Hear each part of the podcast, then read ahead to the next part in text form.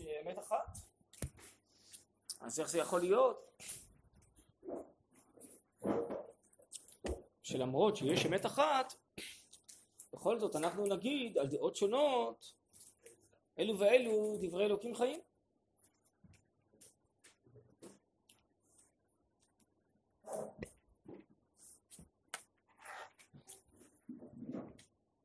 אז ננסה לענות על השאלה מתוך לימוד של פסקה עם הביאור אה, עליה זה גמרא מסכת ברכות שאומרים אותה גם בסוף תפילת שחרית עם ביאור של הרב קוק כאן אה, מופיע כאן בעולת ראייה. זה הפירוש שלו על הגמרא הזאתי.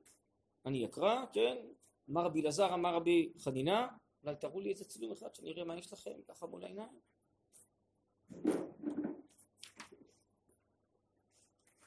כן, בסדר. יש לכם גם אה, צילום נוסף, כן? אחר? כן, בסדר, זה נראה אם נגיע. אמר רבי אלעזר, אמר רבי חנינה, תלמידי חכמים מרבים שלום בעולם, שנאמר וכל בנייך לימודי השם, ורב שלום בנייך, ותקרא בנייך אלה בנייך. אז אם כן, תלמידי חכמים מרבים שלום. אז זה גם שאלה בפני עצמה שהרב קוק יעסוק בה. שלום זה שלום, או שיש או שאין, איך אפשר להרבות שלום? ריבוי השלום, מה משמעותו?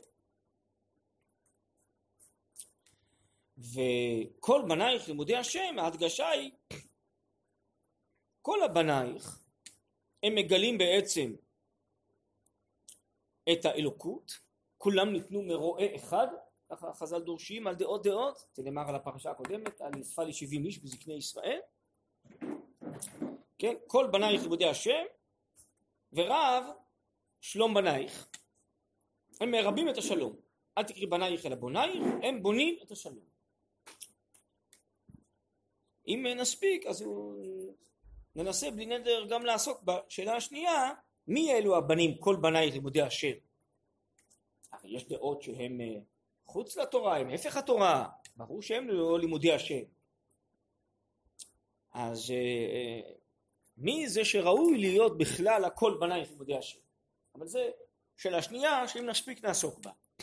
שאלה ראשונה קודם כל זה איך שיכול להיות שלאמת אחת יש בעצם דעות שונות ואתה תגיד שכולם זה לימודי השם. אז בואו נקרא קצת וננסה בלי נדר אגב הקריאה קצת להרחיב. יש טועים שחושבים שהשלום העולמי לא ייבנה כי אם על ידי צביון אחד בדעות ותכונות. צביון אחד, הכוונה היא שכולם יחשבו, יאמרו, יסבירו בדיוק את אותו דבר. ואז יהיה שלום, או בלשוננו היום תהיה אחדות. למה? כי יש דבר אחד שכולם אומרים אותו.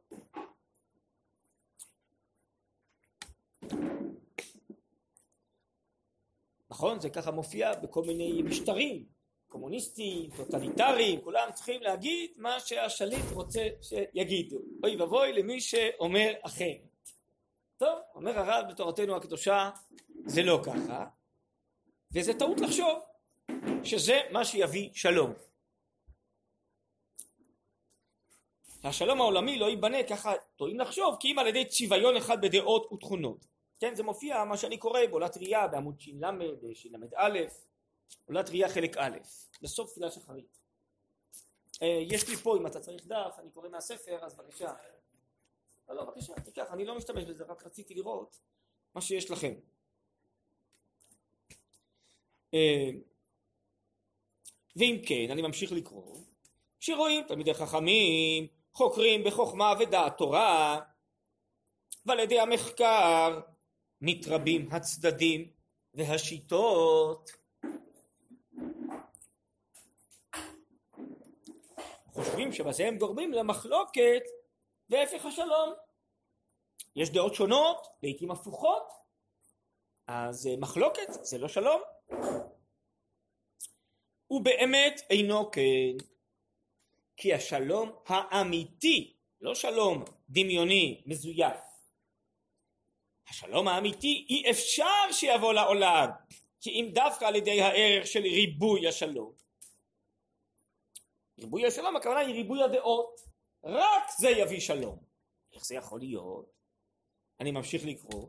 הריבוי של השלום הוא שיתראו כל הצדדים וכל השיטות והתבררו איך כולם יש להם מקום כל אחד לפי ערכו, מקומו ועניינו ואדרבה גם העניינים הנראים כמיותרים או כסותרים יראו שמתגלה אמיתת החוכמה לכל צדדיה שרק על ידי קיבוץ כל החלקים וכל הפרטים וכל הדעות הנראות שונות וכל המקצועות החלוקים דווקא על ידם יראה אור האמת והצדק ודעת השם יראתו ואהבתו ואור תורת אמת. טוב, ננסה לתת דוגמה למה שהרב קוק אה, מסביר כאן. בואו נצייר לעצמנו שאנחנו יושבים כאן בחדר הזה לא בשורות אלא במעגל ובאמצע המעגל יושב אדם עם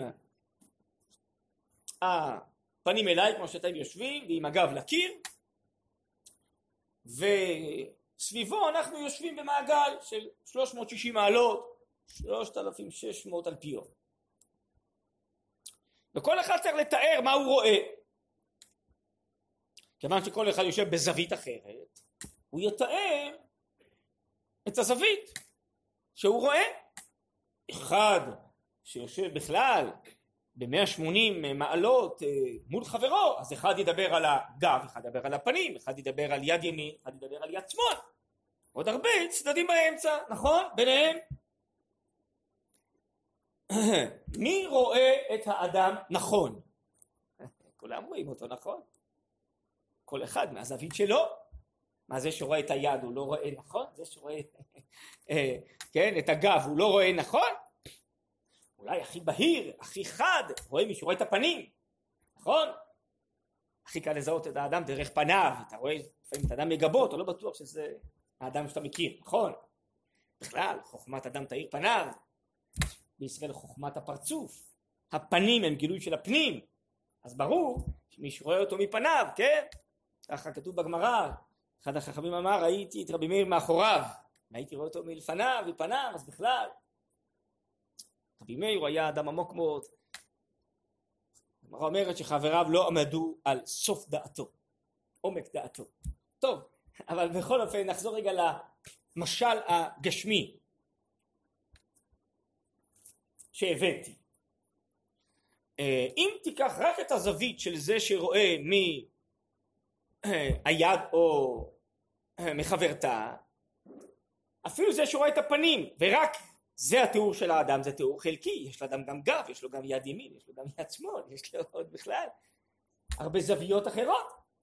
אז אם אתה רואה תיאור, אתה רוצה שיהיה תיאור שלם של האדם, אתה צריך את כל הזוויות האפשריות. נצרף את מה שכל אחד רואה מכל הזוויות, אז יש לנו תמונה.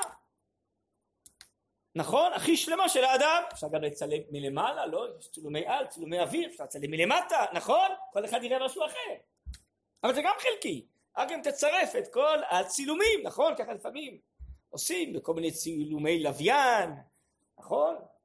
צה"ל משתמש בזה, הוא צריך איזה אזור מסוים לצלם, צריך לצלם אותו מכל הזוויות האפשריות, נכון? כדי להכיר טוב, ליצור מפות לחיילים, לאיזה פעולה, נכון?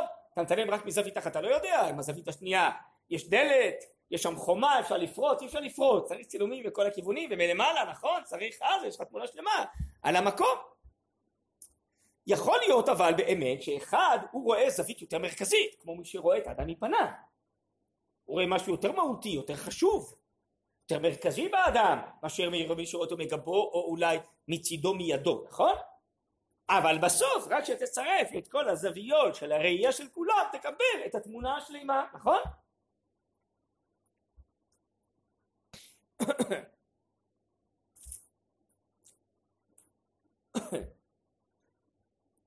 עכשיו בואו נמשיך את המשל הזה קצת בצורה יותר עמוקה.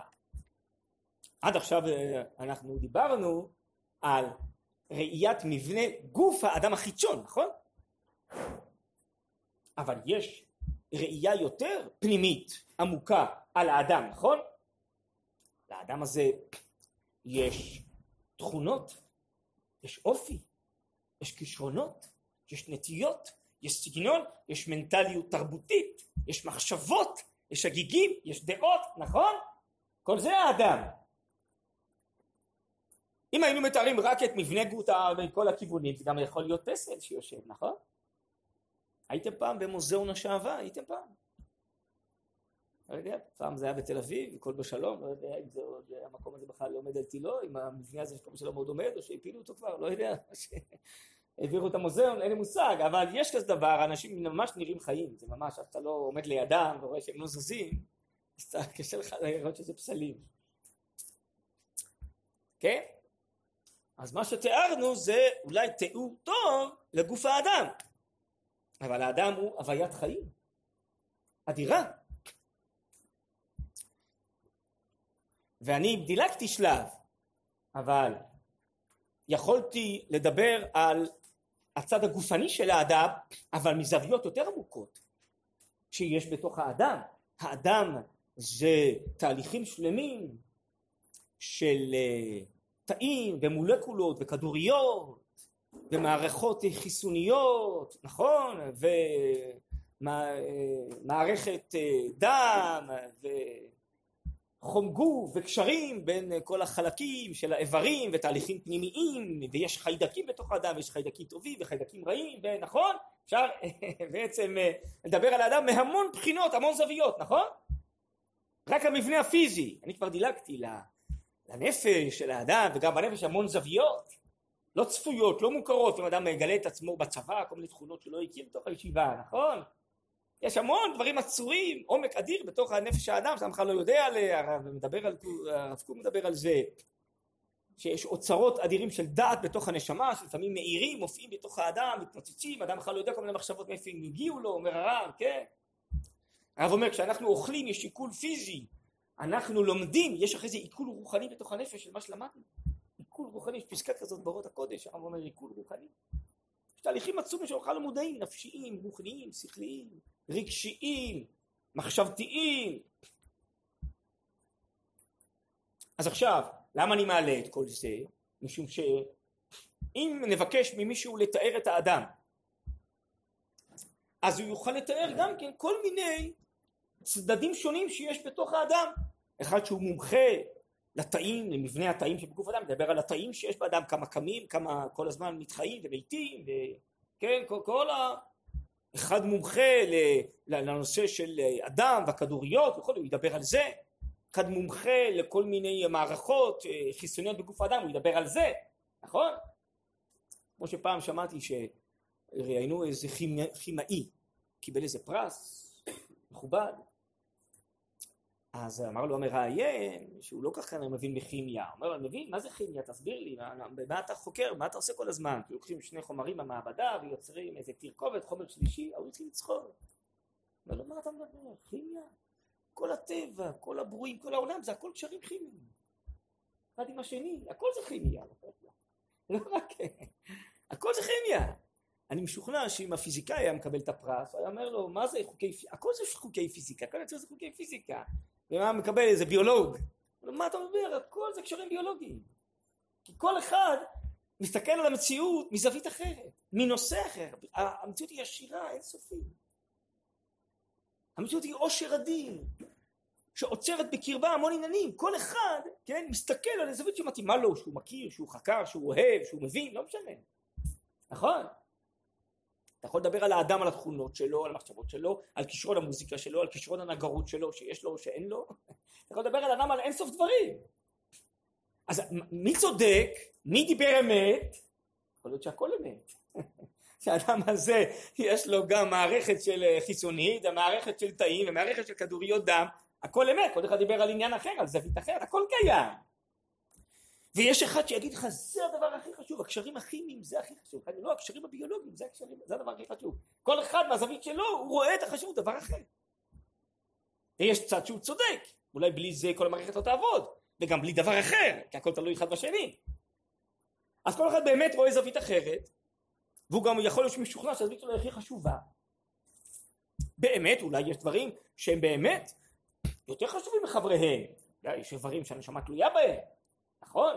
המוח, הלב, וגם בזה דרך אגב, הרב אומר באחת האגרות, מר כדאיתלי או מר כדאיתלי מחוקרי החיים, יש אומרים המוח הוא העיקר באדם, יש אומרים הלב הוא העיקר באדם, יש מחלוקת גדולה בין הפוסקים, קביעת רגע המוות זה לפי המוח או לפי הלב, נכון? נו, מי צודק? יש לאדם גם מוח וגם לב, בסדר? ויש לזה תפקידים ולזה תפקידים. איפה הנשמה נמצאת? במוח או בלב? כן? מה התפקידים של כל דבר? בסדר? יש בזה שיטות שונות, הבנות שונות, כן? אחד מדגיש את זה, אחד מדגיש את זה, אז מי צודק? טוב, הכל קיים. מבינים מה אני רוצה לומר? אבל בעצם כל המציאות היא מאוד עשירה, היא מורכבת מהמון עניינים, מהמון חלקיקים, מהמון זוויות, מהמון בחינות. היא לא פלטה שטוחה. אפילו בפלטה השטוחה שתיארתי לכם קודם שיושב אדם יש לו המון זוויות מכל הכיוונים. אבל נכנסים פנימה לתוכניות החיים עצמם זה עושר עצום. מלא בחינות, מלא זוויות, מלא עניינים. ולכן יכול להיות שכל אחד מדבר על איזה זווית אחרת, בחינה אחרת שהוא מכיר בתוך אותו עושר. ככל שתצרף עוד ועוד בחינות שעצורות בתוך החיים תקבל עושר יותר גדול כי זה לא רק זה ורק זה ורק זה אלא זה גם זה וגם זה וגם זה נכון? אז מתי האמת תופיע יותר מול עינינו שנצרף משהו יותר זוויות ממה שאנחנו יכולים לקלוט ולהוציא בתוכיות החיים נכון? אז אם אנחנו נדע רק מהזוויות, ומה עושה המדע? הוא מגלה כל הזמן בתוכיות האדם יכולות, אנרגיות, בחינות, תכונות, אה, גנטיקה, תהליכים בתוך האדם, כל הזמן המדע מחוסר ומגלה עוד דברים שהוא לא הכיר פעם, אז מה שהוא הכיר פעם זה שקר? לפעמים יש טעויות וחוזרים בהם, אבל לא, הוא הכיר זוויות מסוימות בתוך אפילו גוף האדם, פתאום הוא מגלה עוד זוויות שהוא לא הכיר. לפעמים יש איברים, דברים שלא יודעים בתוך האדם מה תפקידם, אחרי זה פתאום מגלים כמה זה חשוב. נכון? מה תפקיד האיבר הזה? מה זה עשה?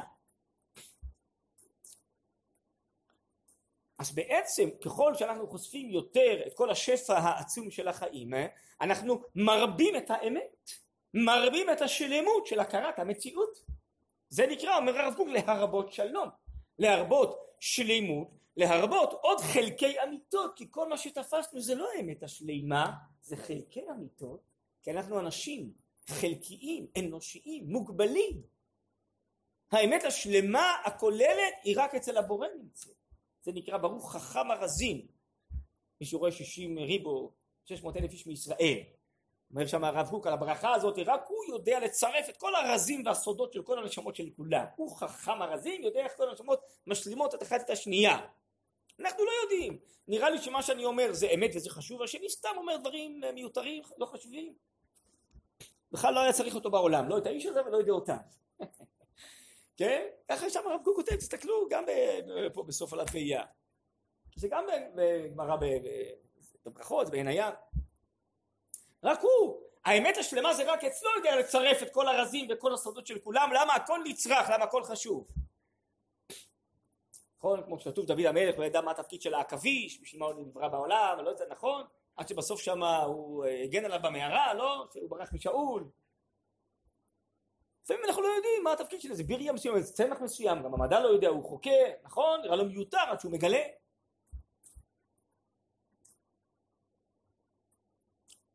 אז אם אנחנו מדברים על התורה, תורת השם תמימה משבעת נפש שקדמה לעולם, שהיא האמת השמימית, השורשית, המקורית, שכל ה... מה שיש בעולם, כל הברואים וכל התכונות וכל הדעות, זה הכל ניצוצות ניצוצות מהשפע העליון שנקרא תורה שקדמה לעולם, החוכמה והרוחניות והאמת האלוקית שקדמה לעולם, שבשביל זה העולם נברא. אז אתה מבין שהתורה זה שפע אדיר אינסופי שאנחנו מסוגלים לקלוט ניצוצות של השפע הזה.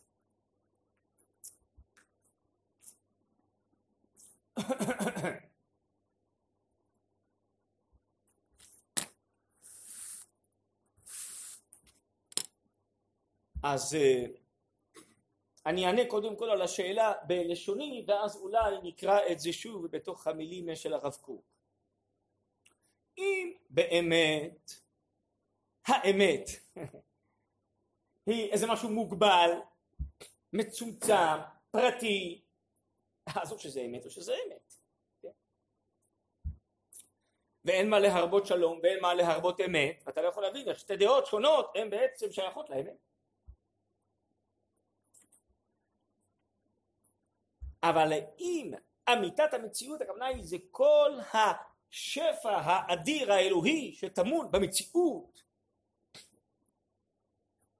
אפילו הגשמית קל וחומר במציאות הרוחנית שהיא השורש של המציאות הגשמית שזה התורה שקדמה לעולם?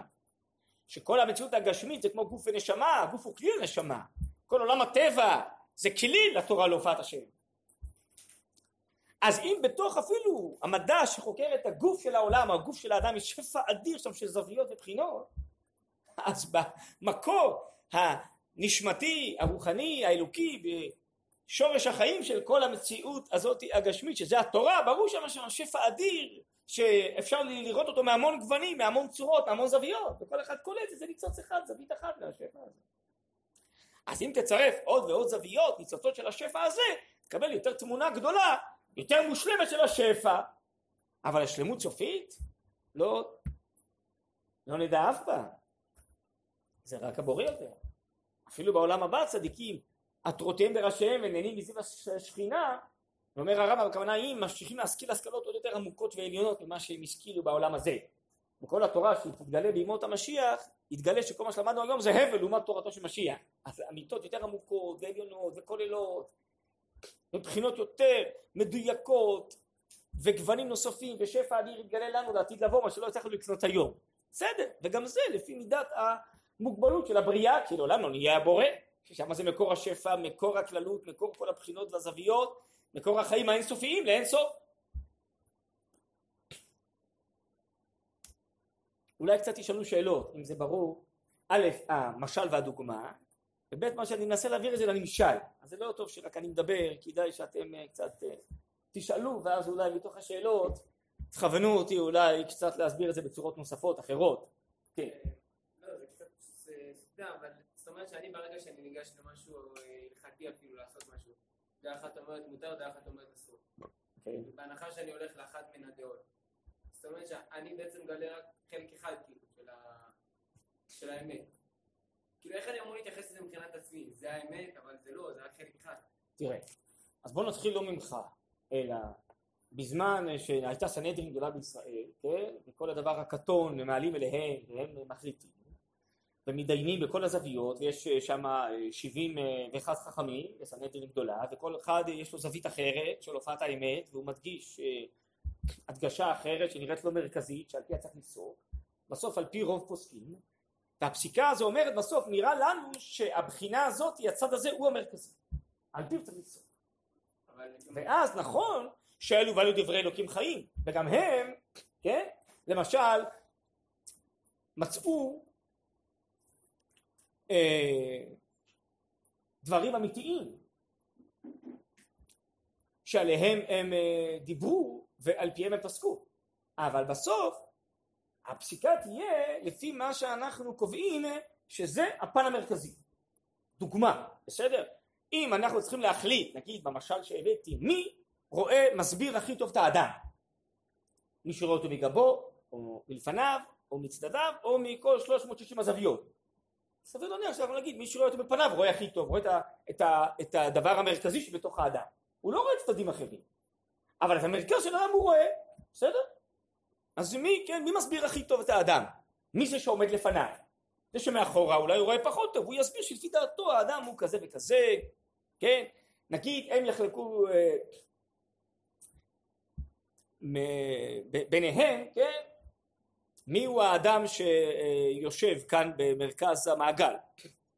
סביר להניח שמי שיראה אותם בפניו יוכל להסביר הכי טוב מי זה האדם, להכיר אותו הכי טוב, רואים הכי טוב, כן, דרך הפנים. בסדר? זה שראה את הגב וראה צדדים אחרים הוא לא ראה דברים אמיתיים, הוא ראה אבל שבסוף אני צריך להכריע מי ראה הכי טוב, מי הסביר הכי טוב, אני אגיד מי שראה מפניו, מי הסביר הכי טוב, נכון? הנה אז דוגמה. כן.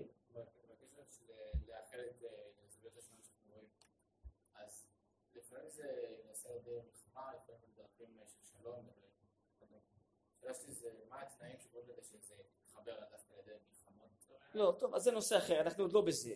בסדר? אני רוצה להתמקד במס כי זה עצמו נראה לי קשה להבנה קצת. לא מה הדרך להגיע לבירור, שזה נושא אחר, אלא איך בכלל יכול להיות שיש הרבה זוויות לאמת, בזה אנחנו עסוקים, בסדר? אז בואו נתמקד במחילה בזה כדי שלא נסטה מהנושא, כן. כן.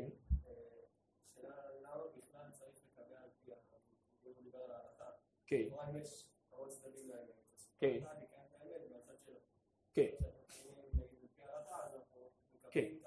כן. משום שבעצם יש הבדל בין הלימוד לגלות את כל החוכמה האלוקית לכל צדדיה, את כל הבחינות הרוחניות לכל צדדיה. אבל בסוף ריבונו של עולם רוצה שאנחנו לא נשאר רק בעולם הבחינות והאפשרויות הרוחניות, הוא רוצה שגם נגיע בסוף לעולם המעשה. עולם המעשה אנחנו חיים בארץ, בגוף, לא ניתן תורה למלאכי השרת. בסוף למעשה אני יכול לעשות או ישר או הפוך, לא יכול לעשות את זה.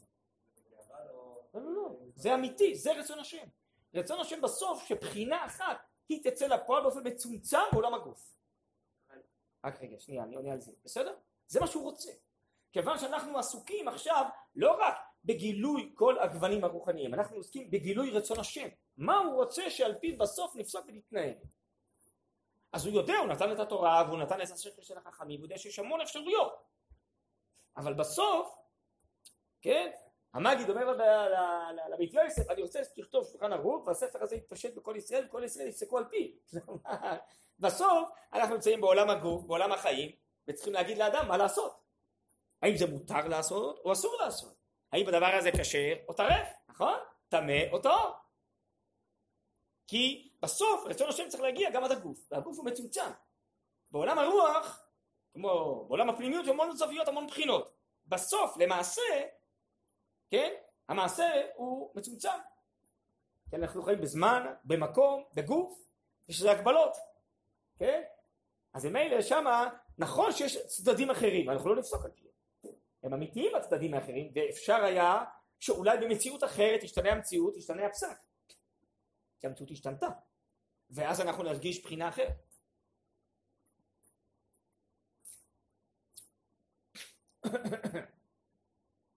למשל, אתן לך דוגמה, אה, יש לפעמים מחלוקת אה, בענייני אה, טרפות באיסור והיתר, יורדיה. אז הפוסקים כותבים שבעצם בספק כזה שנוצר משהו בענייני טרפות, אז אה, בעצם אה, רוב הדעות הן מחמירות וממילא אה, צריך להחמיר. ללכת לפי רוב הדעות ולהחמיר. אבל במקום של הפסד מרובה אפשר להקל. טוב, מה זה הפסד מרובה? טוב, רוב האנשים זה כנראה בשבילם לא הפסד מרובה. אם אני יודע מה הם קנו, אה, אה, אני יודע מה, אה, כמה עופות לשבת, או מלבד עופות יש להם גם בשר וגם דגים, גם מאכלים אחרים, בסדר? או ודאי אם האדם הזה הוא בעל מפעל לשחיטת עופות. אבל אם תבוא אישה ענייה, שזה כל האוכל של השבת לכל המשפחה. בשבילה זה הפסד מרובה, אין הגדרה מדויקת מה זה הפסד מרובה, זה תלוי לפי האדם. בסדר? אם באמת זה יהיה הפסד מרובה אפשר יהיה לסמוך על דעה אחרת כי יש צד כזה אבל לא ראוי לסמוך על זה במקום שההפסד הוא לא מרובה אז כשאני סומך אני סומך על צד כי יש דעה כזאת בתורה וזה גם כן גילוי השם יש בזה ניצוץ של אמת אלוקית אבל בעצם רוב הדעות ורוב הניצוצות הן פוסקות אחרת אז אם זה לא הפסד מרובה אז עדיף ללכת לפי המבט של רוב הדעות שנראה שזה באמת מבט כולל יותר אבל בהפסד מרובה אפשר לסמוך גם במבט המצומצם יותר, כי יש סיבות אחרות. טוב, אז זה אומנות שלמה, אבל ככה זה עובד. כן. אמ, הרב דיבר אה, בתקופת הסנהדרין, בוא נגיד על התקופה של היום, שנגיד יש מחלוקת בין הספרדים לאשכנזים. כן. אז נגיד, לא יודע, בבשר חלק או משהו כזה.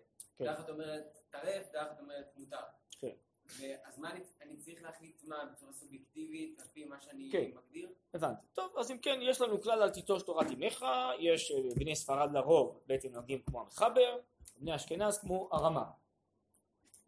אבל אולי אני אמשיך את שאלתך על פי דברי החזון איש, שהוא שואל, הרי יש לנו כלל של ספקא דאורייתא לחומרא וספקא דרבנן לכולה. אז לכאורה בכל ספק של דאורייתא היינו אומרים כולם להחמיא, נכון? אומר החזון איש יסוד מאוד חשוב. מכיוון שהיום אין לנו פסיקה אחת לכל ישראל. יש לנו הוראה של חז"ל, עשה לך רב, כל אחד יפסוק לפי הרב שלו, או לפי מנהג אבותיו, לפי מנהג העדה שלו, כן? אז מכיוון שהרב שלו לא זה ודאי שככה צריך לפסוק, נכון? לרב שלו אין ספק. גם לרב השני שפוסק הפוך אין ספק, נכון? גם תלמידיו של הרב הזה מבחינתם, שהם קיבלו עליהם את הפסק שלו, מבחינתם זה ודאי, זה לא סופק. ולכן מבחינתם זה לא ספק בדאורייתא, זה ודאי בדאורייתא, הם לא צריכים להחמיא. רק אם באמת דבר אובייקטיבי אמיתי שלכל הרבנים זה ספק הדאורייתא, אז צריך להחמיא. או ספק במציאות, אף אחד לא יודע. למה לא זוכר אם הוא ברך ברכת המזון. בסדר? הוא לא זוכר במציאות אם הוא ברך או לא, זה ספק הדאורייתא לחובה, לפחות שלוש ברכות ראשונות, זה דאורייתא. צריך להחמיא, לחזור לברך, בכל הפוסקים. כי המציאות היא ספק. אבל שם שיש שתי דעות, והספק הוא בגלל שתי הדעות, אבל כל דעה היא ודאי, אז לרב עצמו ולכל תלמידיו, או לכל הדתו שהולכים בעקבותיו, זה ודאי, זה לא סופר. אחרי זה יפסוק כמו הרב שלנו. אז הרחבתי קצת את שאלתך בשביל... אה, לא. עוד פעם, נחזור רגע אחד ליסוד הנושא. יש דמיון שהאמת זה איזה פלטה שטוחה, מוגבלת מצומצמת. זה בעצם האווה אמינא שהרב מעלה פה בשאלה. יש טועים שחושבים שיש רק דעה אחת ורק, כן, היא האמת וכשכולם יגידו את אותה דעה יהיה שלום ויהיה אחדות אבל אומר הרב המציאות היא לא בנויה כך המציאות היא מורכבת יש לה המון בחינות המון זוויות וכל אחד שתופס איזה זווית אחרת במציאות הוא גם תופס משהו אמיתי לא? אז הוא תפס צד אחד זווית אחרת של המציאות כל הדוגמאות שהבאתי עד עכשיו לא רוצה לחזור עליהן בסדר?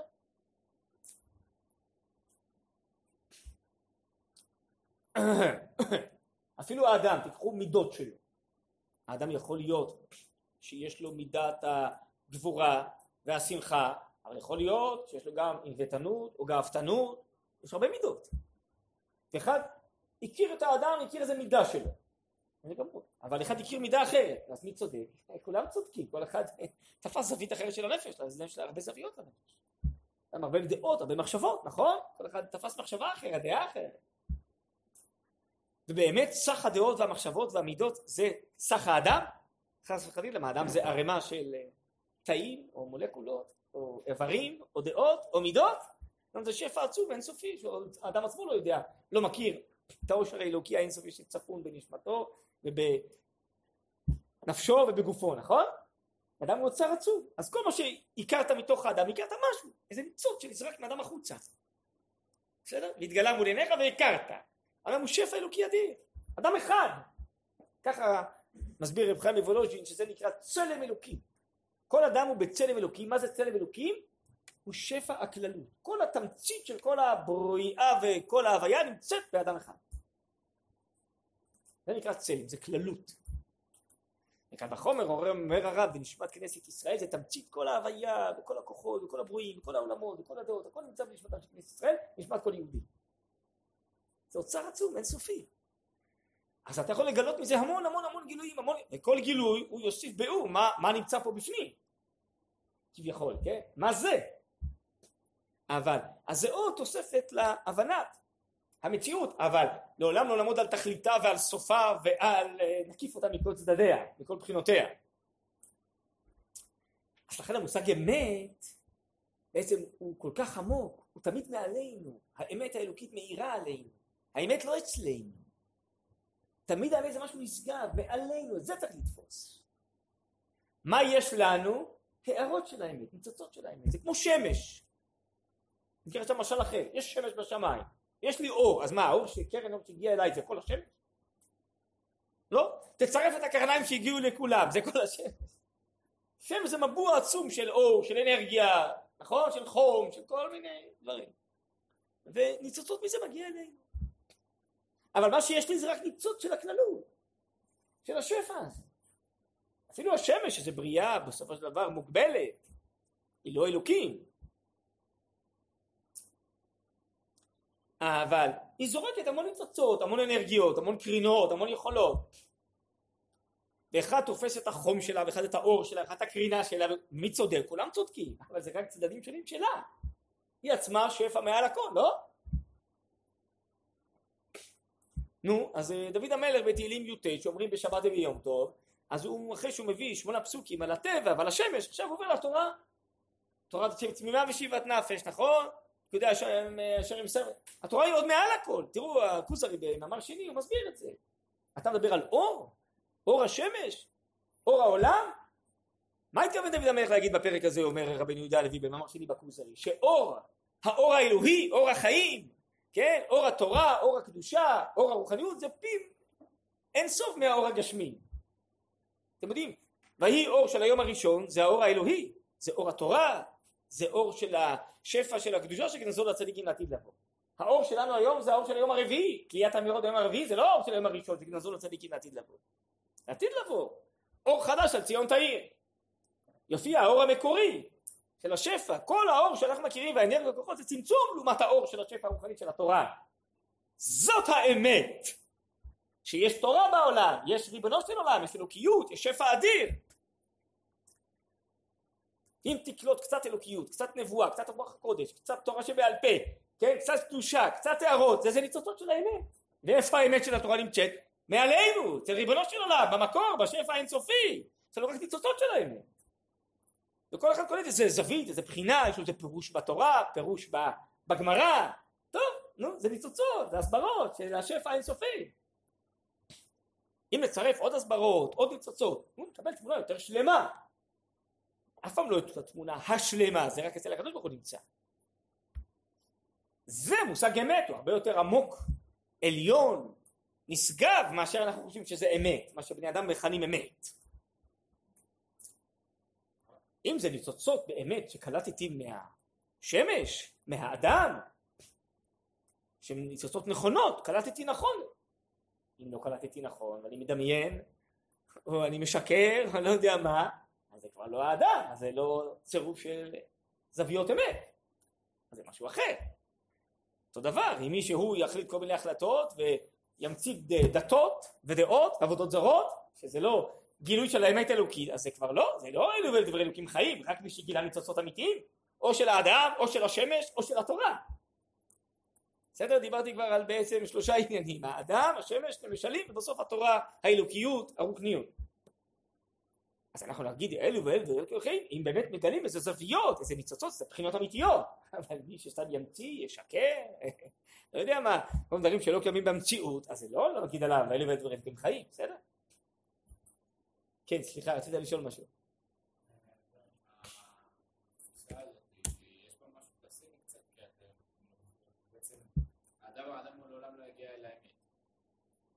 אה, אם הוא מדמיין שאמת זה משהו מוגבל שאפשר להגיע, אז הוא לא יגיע לעולם אל האמת. אבל אז האמת שלו היא מאוד מאוד מצומצמת. אם, איך הרב קוק אומר, אני אשאל אותך אחרת, למה אמת? בוא נדבר על השלימות. מתי האדם מגיע לשלימות? מי שאצלו השלימות, הוא אומר, הנה, זה השלימות. כן? אני אגיע לזה, אני שלם. טוב? באמת יכול להיות שהוא מגיע לזה, הוא חושב שהוא שלם. אבל הזה הזה זה מוגבל, לא? צמצם את עצמו לזה, יש מעל זה, לא? אז הוא מרגיש מאוד נחמד, הוא הגיע לזה, הוא שלם, אבל זה דמיון של השלמות. זה השלמות הסובייקטיבית שהוא צייר לעצמו. מה זה השלמות האמיתית, אומר הרב קוק? ההשתלמות.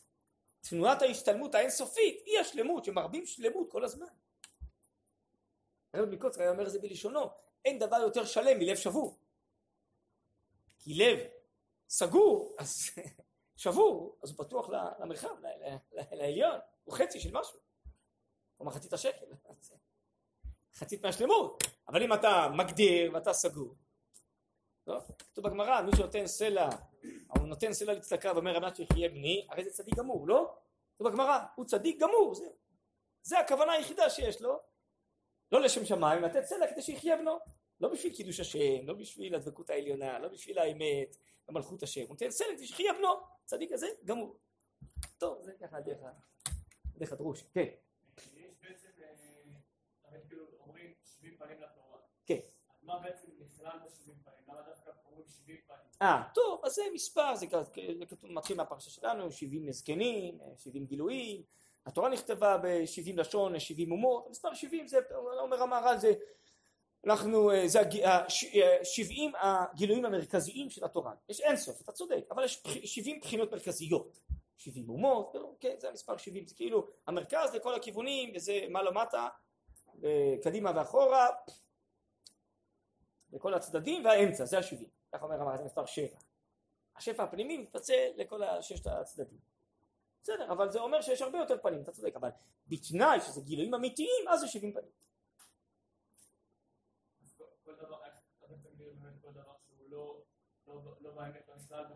אה, אם מישהו אה, יסביר על האדם הסברים לא נכונים על תהליכים שקורים בו, אני חוזר למשל, ימציא כל מיני הסברים על תהליכים בגוף האדם שלא קיימים, אז מה תגיד? זה עוד פן של הסבר בחינה באדם, זה לא קיים. בסדר? הוא ממציא. ממציא כל מיני אה, עוד, אה, יודע, ייתן כל מיני שמות, כל מיני אה, גופיפים שנמצאים בתוך גוף האדם ותהליכים שלא קורים בתוכו. אז מה תגיד פן חדש? זה פן 71 בגוף האדם. כן? אז הוא ימציא, זה לא קיים. ומי שימציא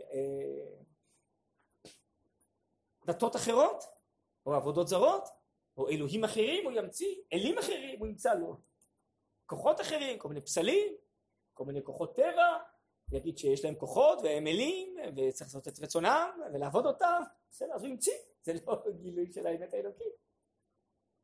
או בכלל, הוא, יש לו איזה כפירה, הוא חושב אין אלוהים, הוא אתאיסט, לא יודע, כל מיני דברים. נגיד, אלו ואלה דברי אלוקים חיים. כן? או היום יש אה, היו צדוקים, בייטוסים, קראים, שהם החליטו, הם יפרשו את התורה בעצמם, אה, בלי תורה שבעל פה. זה לא פן אמיתי של גילוי התורה. הוא ראשון מתן התורה בשיטת התורה שבעל פה. הוא החליט אה, לפרש את האחרת. קשרתם לאות על ידיך הוא לקשור, זה סרט אדום, על זה לא כתוב מה לקשור, זה רק תורה שבעל פה אמרה לקשור תפילין, רצועות שחורות, עם בתים שחורים מבהמה דקה, מבהמה גסה, נכון? מה זה פרי עץ הדר? שואל הרמב"ם, מה זה פרי עץ הדר? איך יודעים מה זה פרי עץ הדר? אולי קלמנטינה? לימון? תפוז? אשכולית, פומרה. זה התורה שבעל פה אמרה שזה אתרוג, נכון? פרי צדור, הוא יביא פירות אחרים. מה, חסר המצאות? אה. יש רפורמים, מחליטים שמותר ליהודי להתחתן עם אה, גויה, ושמותר לנסוע בשבת, שמותר אה, לשיר בבית הכנסת נשים וגברים ביחד, אם הוא גר ביום שבת, אפשר להמציא מה שרוצים, מה זה שווים בין התורה? כי ככה הוא מרגיש, ככה מתחשק לו, ככה זה הכי שוויוני, זה ככה הכי מודרני, אפשר להמציא מה שרוצים, מה זה יפן של התורה? זה רק אם אתה מגלה פן אמיתי במציאות, יש מציאות אה, בגוף האדם, יש מציאות בנפש האדם, יש מציאות רוחנית של שפע אלוהי, אתה מסביר ואתה המציאות האלוקית, איך הקדושה מופיעה, איזה גוונים יש לקדושה, איזה בחינות, כן, איזה ניצוצות, אבל אם אתה ממציא דברים שהם לא הופעת הקדושה, אתה ממציא דברים אחרים. כמו שהכוזרי מדבר על עובדי הכוכבים וטליסמאות וכולי, והמתירו בני עבודות ופולחנים וקורבנות והורדת כוחות ורוחניות וכישופים וכישופים אז זה לא כן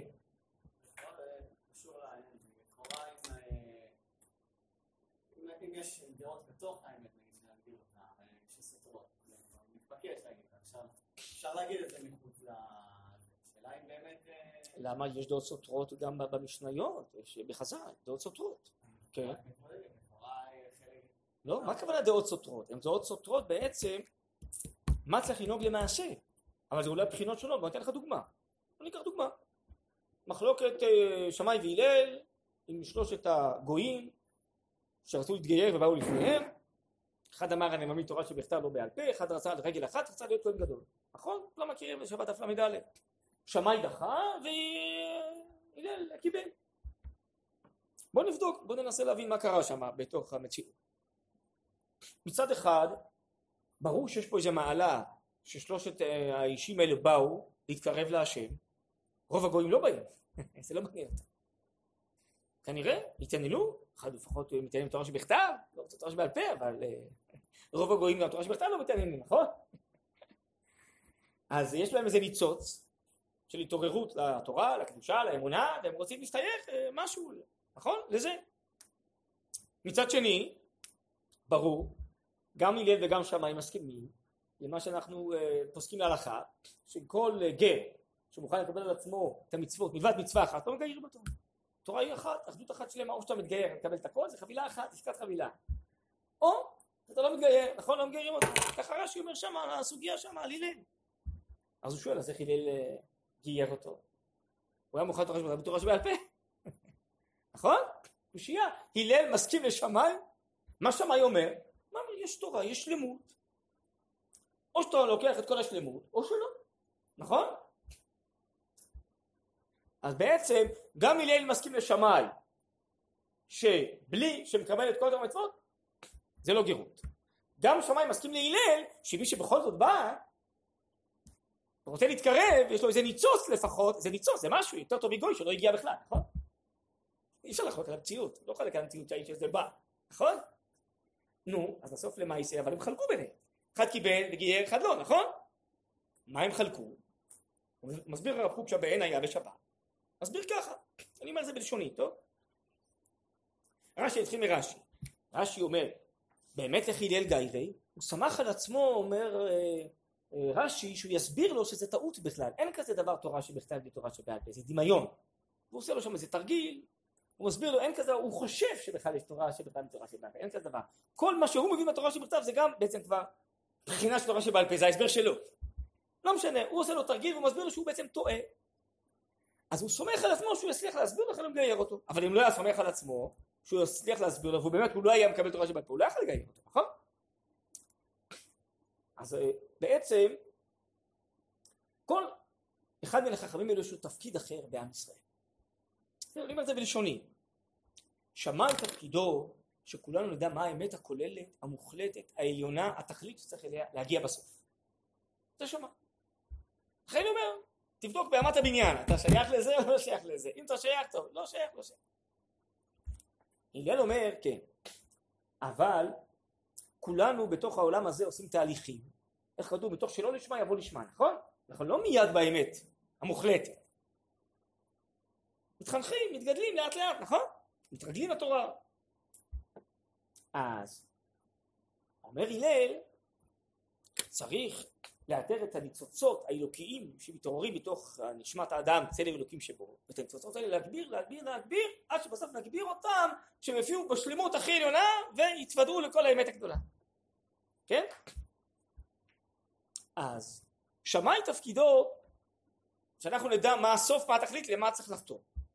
הלל תפקידו זה נקרא ענוותנותו של הלל, לאתר את הניצוצות של הטוב, של סגולת ישראל, של צמאון לאמת שנמצאים גם בנפשות מאוד רחוקות, מאוד שפלות, שמכוסות בהמון פסולת ולכלוך וטומאה, למצוא את הניצוצות, להתחבר אליהם ולנסות להעלות אותם.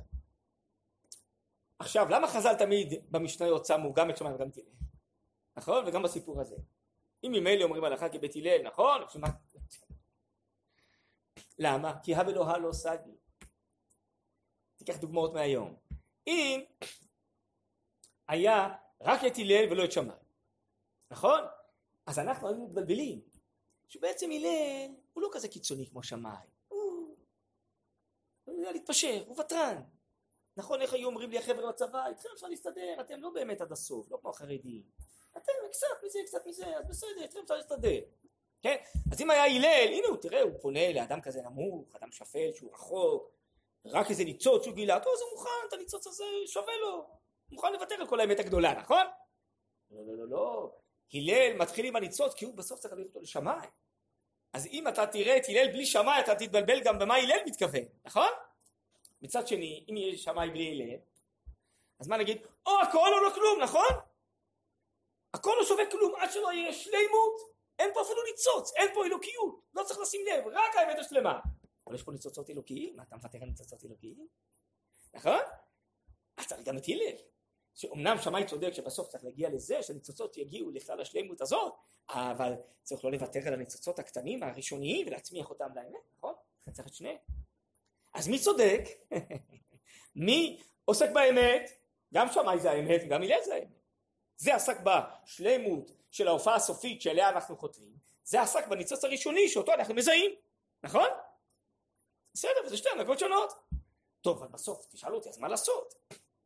לקבל או לא לקבל? חז"ל מדריכים, תשמע, תיען ותן קילל ולא תהיה קפדן כשמיים. למה, אומר הרב קוק? כי לדעת לאתר את האמת עד הסוף, באופן מוחלט, יש רק אחד שיודע לעשות, רק שמיים. זה נקרא קפדנות, זה לא קפדנות שאנחנו חושבים שהוא כועס ומשתולל. קפדנות, הכוונה היא, הוא קו האמת המוחלטת. רק אחד יודע לעשות. לתפוס ניצוצות, יותר ניצוצות, פחות ניצוצות, חלק מהניצוצות, זה כל אחד יכול קצת, זה נקרא נבלתנות. יש חכם גדול, הוא תופס דברים מאוד עמוקים, לא ניצוצות. אני לא מסוגל, אז קצת איזה ניצוץ אני כן אתפוס. אז כל, מזה אפשר לעשות קצת. אז למעשה לרוב האנשים מה שמתאים להם להיות הלל. אבל שמאי יש לו תפקיד, אומר הרב קוק, הוא סולל דרך להמון, בלי שמאי גם הלל לא יעמוד. בסדר? אז הוא חייב להוציא את האמת הזאת העליונה שלו לפועל, ותמיד צריכים לבוא ביחד. אבל מה, למה יישא כולם בסוף? עדיף, כיוון שאתה רכה, ותן כהלל, קפדן כשמיים, נכון? אתה כ, לא בדיוק, תהיה הלל ולא תהיה שמיים. כי ניצוצות, אז טוב, תיקח קצת יותר, קצת פחות. אז כ אפשר להיות כהלל. שמאי זה רק מי שלגמרי שמאי יכול להיות שמאי, מי שלא, שלא יתחיל שיהיה הלל. בסדר? אז זה הנהגה, מה מתאים? אני לא חושב בסוף גם את זה וגם את זה. הוא אומר, טוב, תהיה כמו הלל. שניהם צדדים אמיתיים, כל אחד תפס. לכן אני אומר, המציאות מורכבת. חיים מורכבים, אני צריך גם לדעת מה האמת הסופית. אני צריך גם לאתר את הניצוצות הראשוניים. צריך גם את זה וגם את זה. הא ולא הלא סגי. אז כולם מגלים פנים של האמת. אבל בסוף למעשה צריך איזה הדרכה לרוב הציבור, מה מתאים? זה ולא זה. טוב, צריכים לסיים, לא? כן. טוב, אז... בסדר, אז נסתפק היום בזה. אה, תראו, נחשוב מה שתרצו, אם להמשיך את הנושא הזה או נושא אחר, לא יודע. תגידו לי מה אתם רוצים. אה, תוכלו לשלוח את זה, מה הם? בסדר?